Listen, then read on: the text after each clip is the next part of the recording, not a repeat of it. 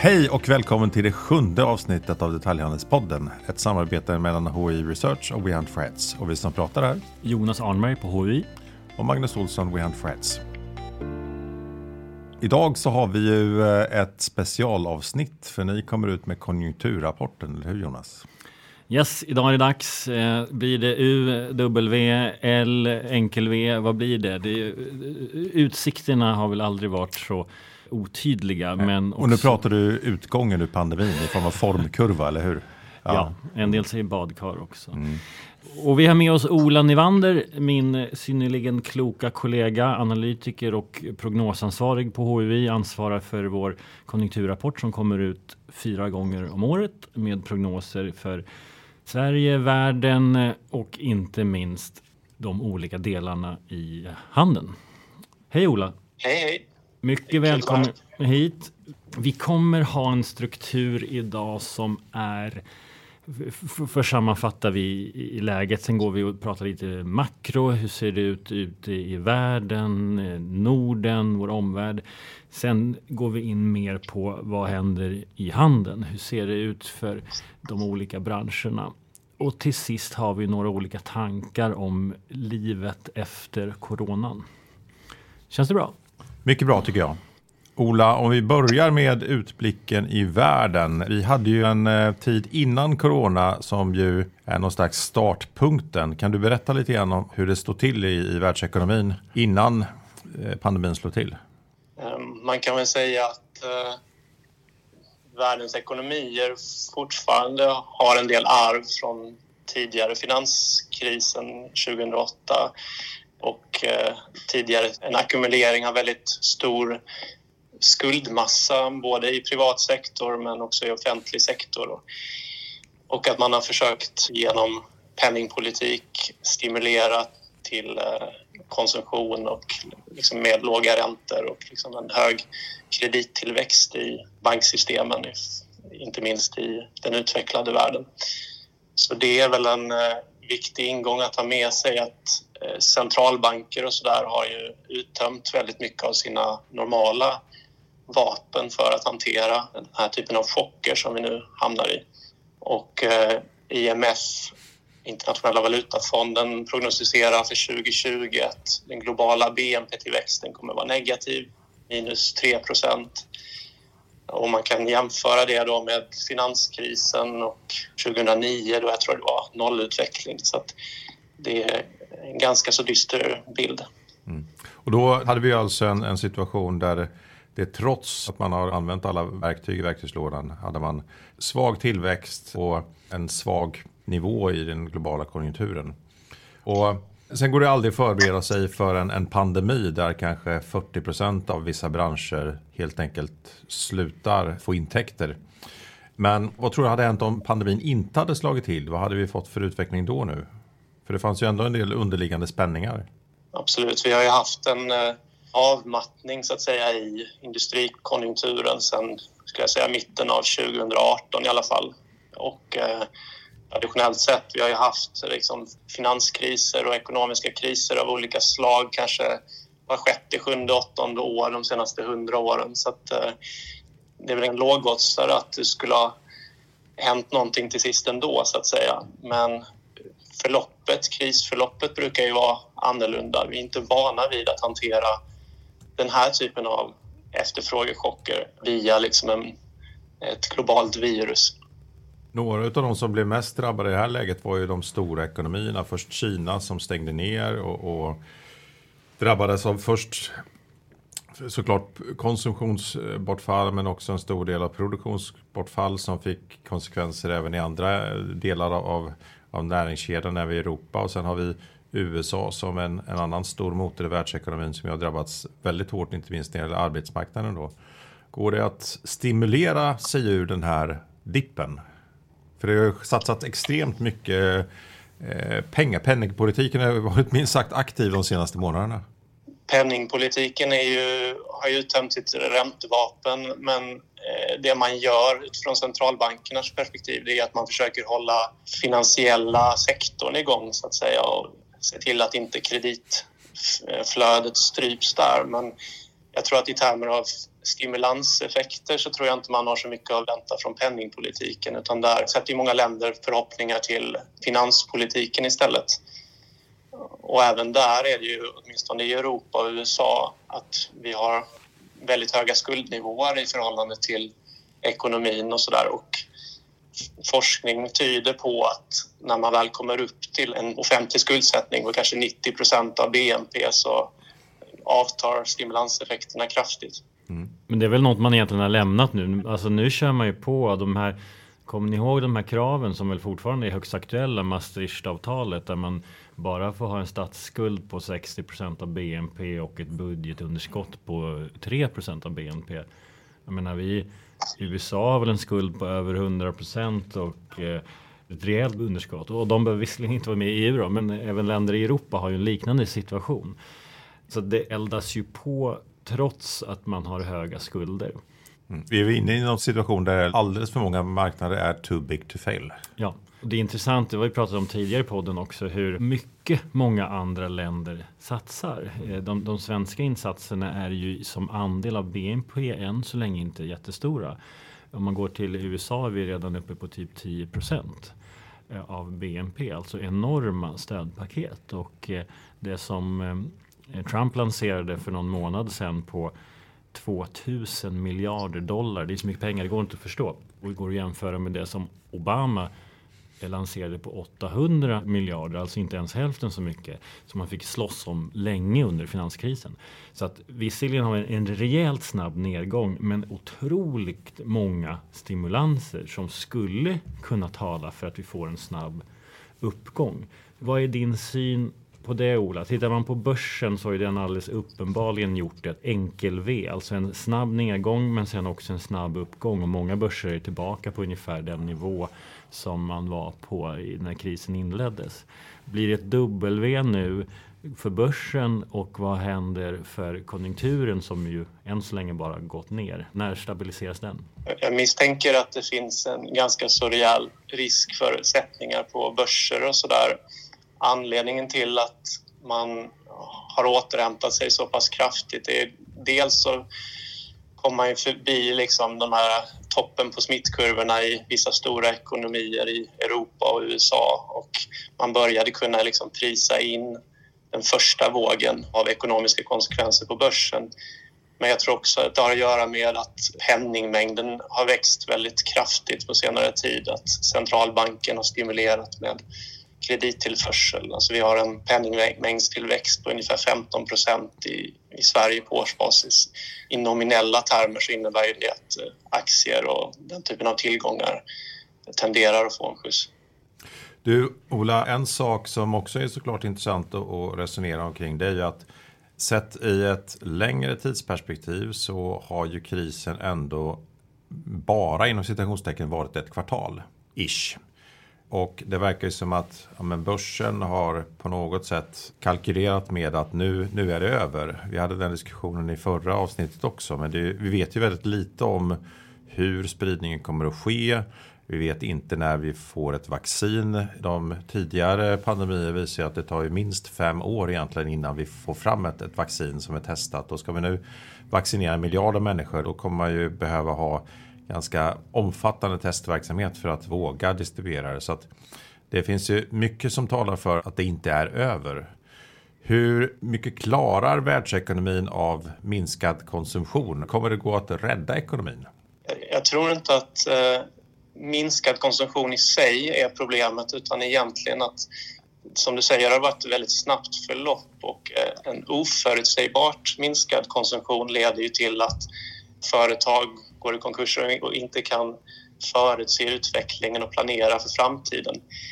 Så att den här osäkerheten som ligger som en våt filt över hela systemet är ju såklart väldigt problematisk för ekonomiska aktörer och framför allt om det börjar sprida sig också till den finansiella sektorn i väldigt hög grad. Vi vet ju inte hur det egentligen ser ut där, vilka typer av tillgångar som finns på bankernas balansräkning och så än så länge utan det är Eh, det återstår att se. Vad säger vi om Kina och USA för att liksom stänga det kapitlet? Då ska jag säga att det här är en väldigt, väldigt djup och allvarlig kris av en enorm magnitud.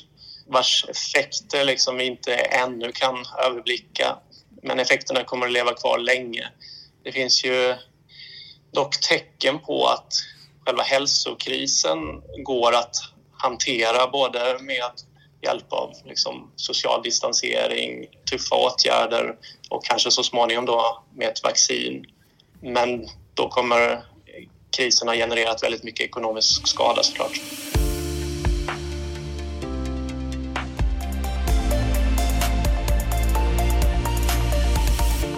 Vad är vår prognos för den svenska ekonomin? Eller ska vi börja med vad vi ser runt omkring oss först? Ja, vi kan väl ta Norden som en ingångspunkt i det närmare omlandet så att säga. Ja, vi tror ju på att um, konsumtionen till exempel i Sverige har ju hållit sig ganska väl uppe i förhållande till övriga nordiska länder än så länge så att säga. Men man bör ju utvärdera de ekonomiska effekterna också utifrån vad som händer på lite längre sikt. Och vi tror ju på att den svenska återhämtningskurvan kommer vara lite flackare så att säga än i våra övriga grannländer som fört en tuffare liksom, restriktionspolitik mot viruset. Återhämtningen är i slutändan väldigt, väldigt beroende av hur smittspridningen och restriktioner framöver utvecklas och framförallt kanske inom handeln vi tror på en kraftig nedgång liksom i BNP och konsumtion för 2020 och sen så en, en viss återhämtning, en rekyl för 2021. Du nämnde att vi har haft väldigt olika politik under pandemins eh, akuta skede i form av nedstängning och så vidare. Och det har vi pratat om även tidigare i podden hur Sverige relativt Norge och Danmark till exempel har haft en, en betydligt mindre konsumtionsbortfall. Hur ser det ut eh, när det gäller makrosiffrorna med BNP och så vidare under kommande år? Det handlar ju om att vi kommer, alltså här under andra kvartalet kommer vi få se väldigt, väldigt stor BNP-tapp i alla länder. Eh, tvåsiffriga säkerligen. Eh, så det kommer ju bli en liksom BNP-tapp på mellan 0 och 10 procent kanske i de nordiska länderna beroende på och hur utvecklingen ter sig. Liksom, vi vet ju inte hur det kommer se ut i höst och så där, om det kommer en andra våg och så där. Så att en kraftig nedgång ser vi i alla länder och att nedgången har varit mycket mindre brant i Sverige. Det tror jag man kan slå fast redan nu eh, på kort sikt. Eh, men som sagt, man har ju en helt annan smittsituation så att säga i Norge, Danmark och Finland och liksom smittspårar i princip alla fall och sådär. Så att eh, den långsiktiga utvecklingen är svårare att säga om. Men vi tänker oss att det blir en mer gradvis en återhämtning i Sverige och en, och mer starkare uppstuds i de andra länderna i alla fall. Mm. Och då är, vi, då är vi ju egentligen beroende av hur hushållen tänker i sin konsumtion. Vad, vi, vi har sett eh, stigande arbetslöshetssiffror. Eh, vi har sett sättning på bostadsmarknaden och så vidare. Vad tänker du om, om det om du tittar i kristallkulan? Jag tänker att väldigt mycket kommer att avgöras av hur situationen på arbetsmarknaden utvecklas. Vi pratar om att vi har en arbetslöshet idag på drygt 8 procent i Sverige. Eh, men å andra sidan har vi över en halv miljon människor korttidspermitterade vilket motsvarar kanske 10 procent av arbetskraften. Och lägger man på då den, någon procent varsel som redan ligger plus egna företagare och sådär som inte blir arbetslösa utan bara tappar sina inkomster så att säga i en sån här situation. Så den magnituden gör ju att vi kommer att se ett väldigt utdraget förlopp tror jag. Kanske mer utdraget än vad många bedömare pratar om idag. För det du säger, det är din räknekalkyl där summerar till typ 20% arbetslöshet då, om det som skulle vara worst case utifrån de siffror du drog? Alltså om man kollar på antalet arbetade timmar till exempel i ekonomin i april så föll de med 10 eh, Så det är ungefär magnituden av nedgången i aktivitet som vi har. Vi har liksom mellan 15 och 20% i antingen arbetslösa eller kraftigt undersysselsatta. Då, då. Innan du stänger Sverige, Ola. Ja. Vad tror vi om svensk BNP? Vad har vi för prognoser för det här året? Vi, vi tror att BNP kommer falla med 4,6 procent i vår, vårt huvudscenario i Sverige eh, i år. Och eh, konsumtionen eh, faller enligt samma prognos då med 4 procent. Ehm, och det är ju mest, det är mycket drivet av resor och restaurangbesök och eh, tung konsumtion, bilhandel och sådär som kommer falla väldigt mycket medan andra delar kommer klara sig bättre.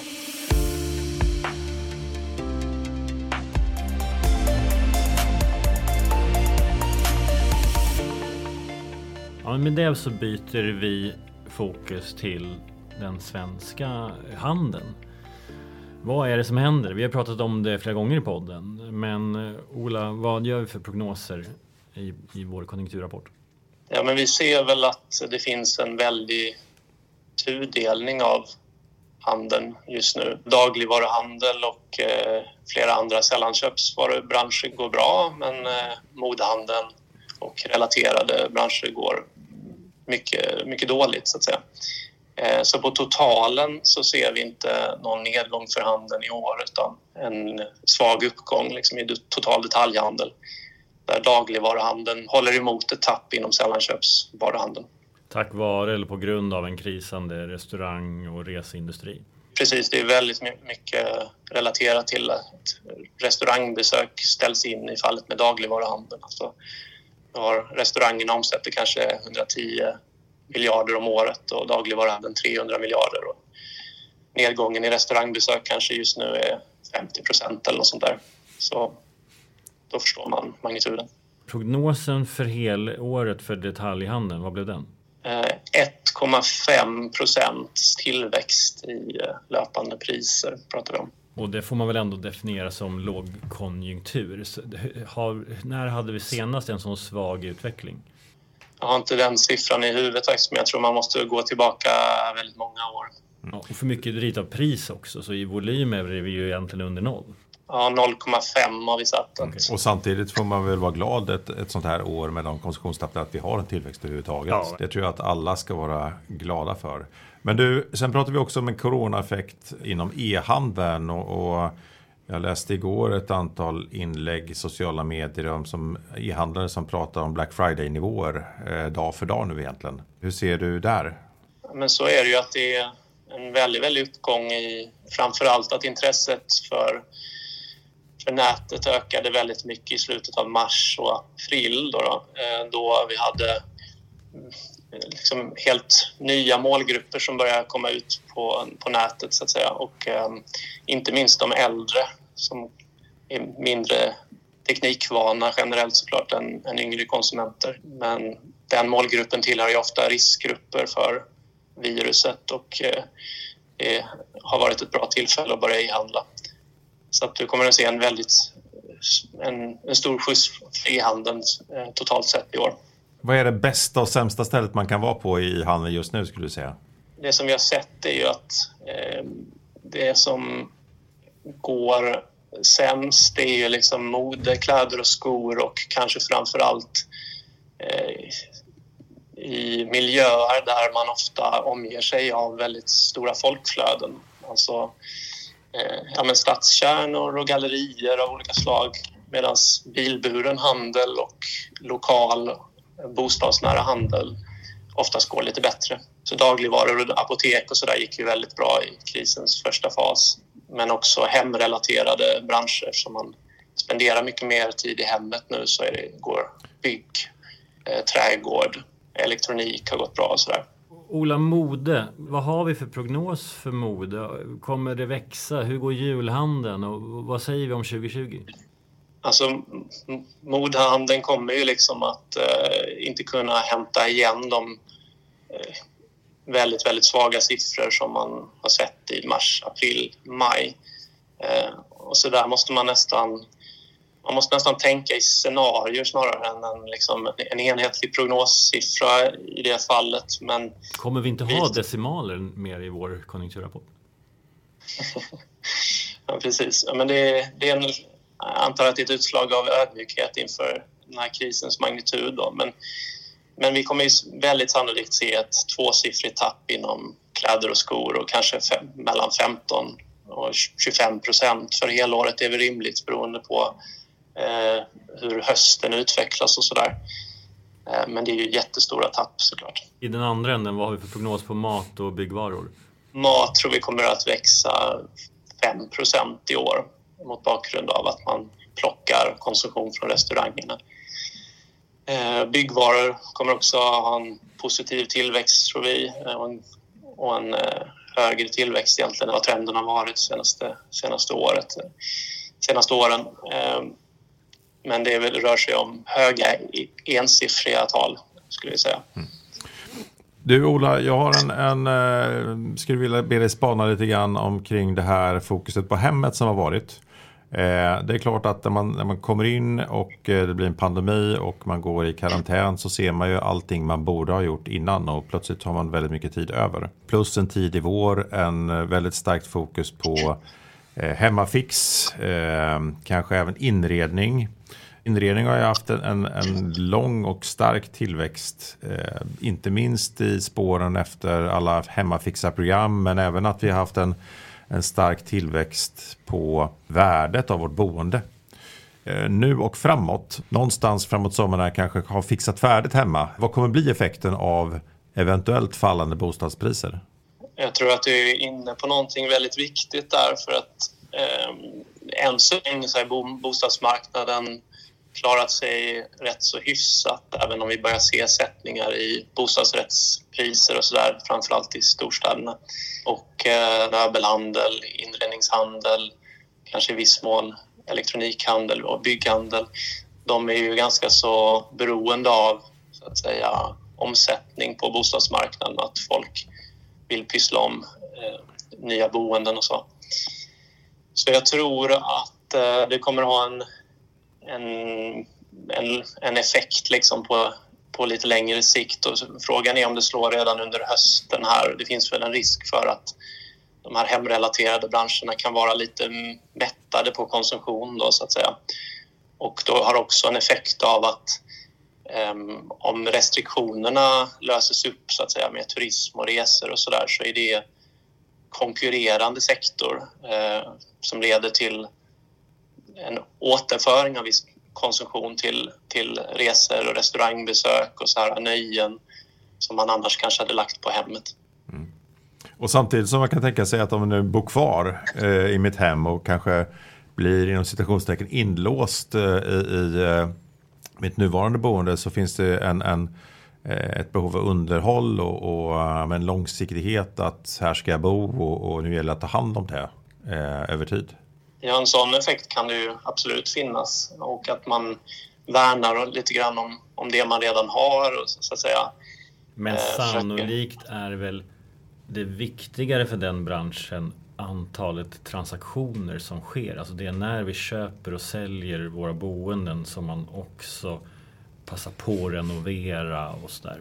Mm. Och det är väl lite oklart vilken av de här effekterna som är viktigast. Men, men, men det är klart att om konjunkturen trycker ner antalet transaktioner då kommer byggvaruhandel, möbel, inredning lida av det. Mm.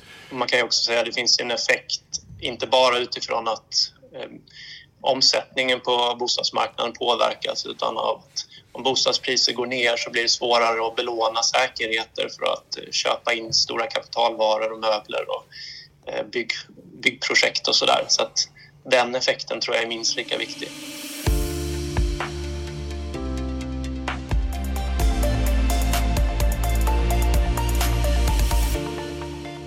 Om vi går över på eh, hur livet kommer att se ut på andra sidan corona då. Jag brukar ju varna i olika sammanhang för att dra alltför stora växlar i ett längre perspektiv av de här kortsiktiga beteendeförändringar vi har haft.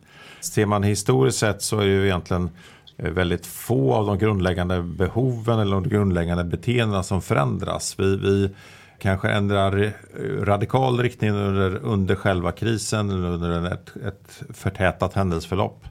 För att sedan återgå till våra gamla beteenden. Men du spanar också på en del beteenden och, och händelseskeden som kan bli ändå långsiktiga i, på andra sidan så att säga. Uh, ja, men vi tar ju upp i vår konjunkturrapport ett antal så att säga, beteenden eller konsumtionsförändringar eller skiften så att säga. Det är väl kanske snarare att den här krisen eh, med allt det innebär så att säga, katalyserar en utveckling som vi redan har sett. Men också att det finns en, så att säga, en, en chockande effekt till exempel att äldre i riskgrupper börjar handla jättemycket mer på nätet än vad de annars hade gjort och sådär. Att det pushar in så att säga, pushar upp e-handeln och pushar ner butikshandeln på ett sätt som jag tror hade varit otänkbart på kort sikt annars. Så digitaliseringen med e-handel och med hemarbete och sådär kommer att ha en väldigt stor effekt. Eh, sen tänker vi att det sker mycket utbudsförändringar liksom i städerna på grund av detta. Till exempel restaurangsektorn som har varit väldigt stark under de senaste tio åren kommer att ha svårare att ta över detaljhandelns lägen i städerna. Och det i sig kan ge, ge upphov till konsumtionsförändringar, att utbudssidan förändras och sådär. En tredje grej som vi tar upp är att människor liksom i den här situationen ändrar sitt förhållningssätt till risk på olika sätt, värderar trygghet, vill ha mer transparens och information från handeln. Och sen har du lågpristrenden som vi också har pratat en del om på i och ni har pratat om i podden också som vi tror kommer förstärkas under lågkonjunkturen när människor blir mer priskänsliga. Och sen talar vi om någon slags värnande om den lilla världen eller återgången till så att säga, lokala preferenser, småskalighet, hållbarhet. Frågan om självförsörjning uppe på tapeten vad gäller livsmedel och energi och sådär i den politiska debatten. Så där är några olika spaningar på trender som vi tror att vi kommer att se förstärkas framöver. Om vi börjar med att följa upp det du pratar om digitaliseringen. Vi har ju vid flera tillfällen de senaste åren pratat om prognoser på e-handelns andel av olika branscher. Och jag tror att en av de mest radikala prognoserna vad gäller andel av sällanköpsbranschen i ett lite längre perspektiv och då pratar vi 2025 och, och tiden därefter landade på någonstans runt 45 procent inom vissa sällanköpsbranscher. Finns det anledning att revidera dem eller finns det en naturlig jämviktspunkt någonstans? Vi ser ju till exempel hur bokhandeln under 2019 eh, liksom nästan hade nolltillväxt på e-handeln. Där de som gillar e-handel och de som hittar tillfällen där man använder e-handel, de har gjort det. Och sen finns det samtidigt en plats för fysiska butiker av, av andra skäl. Hur ser ni på det? Och den, den kan, frågan kan väl ni resonera om, både Jonas och Ola? Jag skulle säga att e-handeln idag har växt väldigt mycket utifrån att de fysiska alternativen är för dåliga. Och eh, det finns ju inte minst nu all anledning för fysisk retail att se över sitt erbjudande koncept, eh, vart man ligger. Som vi har pratat om tidigare i podden så eh, New Retail, Alibabas definition eh, där man äger hela infrastrukturen eh, och har både butiker och nät kommer ifrån en digital logik.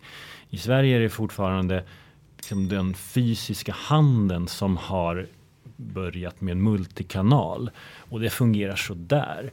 E-handeln öppnar också butiker men då är det framförallt showrooms. Så vi har inte riktigt sett liksom en fysisk kedja som eh, på riktigt jobbar utifrån en digital logik. Inte i Sverige. Nej, Nej, men när det sker, då kan ju det vara ett väldigt spännande alternativ och då kommer man nog se att liksom e-handelstillväxten går ner. Men inte minst med den push som kommer till följd av coronakrisen och social distansering så ser vi inte det framför oss de närmsta åren. Nej. Har du något att tillägga där Ola? Det är en eh, väldigt bra analys. Alltså den digitala logiken har ju saknats kanske att bygga liksom fysisk handel på en digital logik tror jag är en viktig aspekt. Den fysiska butiken har ju en, en roll i framtiden. Det finns ju saker som man inte kan på samma sätt erbjuda bakom en skärm. Liksom. Du kan jobba med sinnesintryck som samverkar på olika sätt och mänskliga fysiska möten och sådär. Nog tror jag att det finns någon form av balans. Det, kommer, det är inte så att eh, apokalyptiskt som det ibland framställs att e-handeln tar över totalt. Nej. En annan fråga jag har till dig Ola är just den här lilla världens återkomst som är intressant ur två perspektiv. Dels att det finns ett, ett konsumentbeteende eller en konsumentefterfrågan om, som handlar om trygghet och det lokala. Man, man kanske återupptäcker handeln som ligger närmast eller man skippar en resa till det lokala köpcentrumet och istället väljer att lägga de pengarna i ett lokalt alternativ. Men det finns ju också en nationell aspekt som du var lite inne på, det här med själv, nationell självförsörjning. Vi har fått en diskussion om totalförsvaret under pandemin, om behovet av civilt försvar. Egentligen drivet av att vi ser dels hur den internationella logistiken ju inte riktigt har fungerat under pandemin. Det har också blivit konkurrens om vissa strategiska resurser, sjukvårdsmaterial och vi har en, redan innan haft en stor politisk aspekt på det här där främmande makt, fritt översatt Kina och Ryssland ju har visat en vilja att, att interferera i både nationell politik och på andra sätt. Så att de här världarna, konsumentens önskan möter någon slags nationellt behov här. Har globaliseringen gått för långt, tror du? Väldigt intressant fråga. Alltså, man kan väl säga så att det finns ju risker såklart med ökat resande och globalisering i vissa volymer och så. Men det finns ju också risker med motsatta. Jag tror att världens ekonomer skulle vara väldigt överens om nästan en väldigt, väldigt stor majoritet i alla fall om att globaliseringen har gynnat väldigt breda lager av befolkningen över tid. Så att säga. Vi har en fattigdomsbekämpning som vi, vi aldrig har liksom sett maken till i världshistorien. Och om man tittar under pandemin här så visst, vissa leveranser och flöden har ju påverkats, absolut. Men det handlar ju ofta om att stater har gått in och liksom konfiskerat eh, material på väg till sin destination, till exempel om det, vi pratar om skyddsutrustning och sådär. Som ett exempel kan man ta, före coronakrisen fanns det, tror jag, 10 eller 15 företag i Europa som tillverkade munskydd. Idag finns det 700 eller något sånt där. Så där så många aspekter av den här globala integrationen fungerar väldigt bra. Men det är inte utan risker om man står utan försörjning i kristider så att säga. Samtidigt om man tittar tillbaka några år så hade vi en väldigt stor torka i vårt svenska jordbruk 2018 där vi tappade kanske 30 procent av våra skördar och så. De flesta naturkatastrofer eller liksom katastrofer är ganska lokala till sin karaktär. Så det måste man ju också väga in. Så att säga. Den här balansgången är inte alltid så lätt som många vill göra gällande. Okej, eh, väldigt intressant lång diskussion. Vi måste ju återkomma till framförallt det här post-corona, men för att stänga konjunkturläget. Eh, vad säger du Magnus utifrån den här diskussionen? Jag tror vi eh, kan eh, luta oss lite grann tillbaka på tidigare avsnitt och konstatera att ja, vi kommer ha en extremt stark omvändning av handeln. Många pratar nu om en andra våg av rekonstruktioner och konkurser. Jag tror att vi kommer få se det när vi konstaterar att alla inte kommer att kunna omsätta det lager som de fortfarande har kvar. Då pratar vi skor, vi pratar mode, vi pratar en del andra branscher som kommer få det riktigt, riktigt tufft framför hösten. Och om man nu befinner sig i de branscherna, hur ska man ens kunna räkna på vilka lager kan jag ta med mig in i nästa år? Vilka kommer revisorn eh, godkänna att jag övervintrar och har full värdering på? Vilka behöver jag skriva av? Hur ska jag köpa inför nästa år? Vad ska jag räkna med att konsumtionen ser ut? Är det 10 ner? Är 20% ner? Det är extremt svårt att sitta som beslutsfattare i handeln nu och på något sätt bilda sig en uppfattning om vad framtiden bjuder. Och, och då kommer vi tillbaka till den här globala utmaningen med att ha långa ledtider i sitt varuflöde. För pengarna sitter ju i varorna. Ska jag lägga dem i Kina och ha 69 månader på båt hem? Eller ska jag lägga dem i Europa och ha lägre marginal men samtidigt kortare ledtider och därmed bättre horisont i mitt beslut. Är inte det en väldigt bra fråga för nästa podd? Eh, Absolut. Vi lovar inte att den kommer innan sommaren, men det är vår ambition eh, och diskutera med ett par retailers kring hur man ser på just de här frågorna. Ola, du då, vad säger du? Blir det ett enkel V, eller när är vi ur den här konjunkturen och är vi ens nere i botten? Jag skulle säga att alltså det är en, en extremt eh, allvarlig kris av en enorm magnitud och vi kommer få leva med effekterna länge tror jag. Det börjar få 2008 att likna någonting i stil med en söndagspicknick. Så jag är väldigt orolig för arbetsmarknaden och vad, vad som händer när man börjar en dag att rulla tillbaka de här korttidspermitteringsstöden och dessutom för den finansiella sektorn. Så jag tror på ett långt U om man ska illustrera återhämtningsprocessen snarare än ett kortsiktigt och snabbt V. Det gäller verkligen att få bukt med smittspridningen och hitta snabba vaccin tror jag för att vi ska återhämta oss. Vi har ju liksom inte haft någon finanskris än utan Riksbanken klarade av att, så att säga, avvärja någon form av akut läge på de finansiella marknaderna i, i mars så att säga. Men det finns ju en betydlig risk att det blir värre ur det, i den aspekten utöver då att smittspridningen inte är under kontroll i Sverige och många andra länder. Och det enda vi kan konstatera då av det som vi vet, det är det som vi egentligen visste redan tidigare, men som den här situationen accelererar. Det är ju att e-handel och lågpris är två typer av format som kommer ta väldiga andelar. Vi kan väl också göra reklam för HUIs konjunkturrapport som man prenumererar på. Den är otroligt fin i PowerPoint-format så att man kan ta delar direkt till sin ledningsgrupp eller hur man vill använda den och lätt få en inblick i läget i konjunkturen och prognoser för olika branscher. Signar man sig innan sommaren så bjuder vi dessutom på ett föredrag via Teams eller live får vi se under hösten. Så att gå in på hui.se och signa er för vår konjunkturrapport. Mm. Stort tack Ola för att du eh, ville vara med oss idag och dela din eh, fantastiskt fina prognos och konjunkturrapport. Och tack till alla er som lyssnade. Vi är som sagt troligen tillbaka innan vi går på sommarsemester och eh, pratar mer om läget i handeln. Tack för att ni var med.